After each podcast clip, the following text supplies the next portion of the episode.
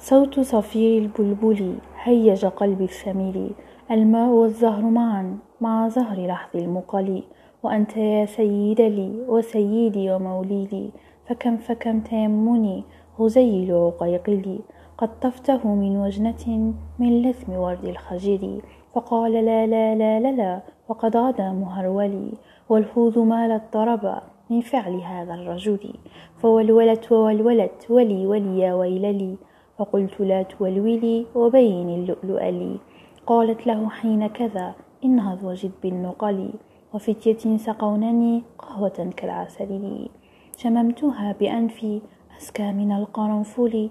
في وسط بستان حلي بالزهر والسرور لي. والعود دندن لي والطبل طبطب لي. طب طب طب طب طب طب طب لي. والسقف سق سق سق لي والرقص قد طاب لي. شوى شوى وشاهش. على حمار أهزلي يمشي على ثلاثة كمشية العنجل والناس ترجم جملي في السوق بالقلقل والكل كعك كعك خلفي ومن حويللي. لكن مشيت هاربا من خشية العقنقل إلى لقاء ملك معظم مبشل يأمر لي بخلعة حمراء كالدم دملي أجر, أجر فيها ماشيا. مبغضدا للذيل أنا الأديب الألمعي من حي أرض الموصل.